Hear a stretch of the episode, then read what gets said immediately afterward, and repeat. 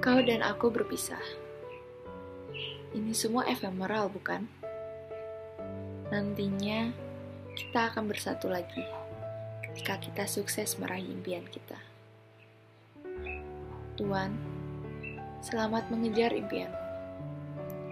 Terus gapai dan raih itu hingga kamu berkata, Alhamdulillah, akhirnya telah sampai. Tuhan, jangan pantang menyerah, dan jangan lupa untuk bersyukur.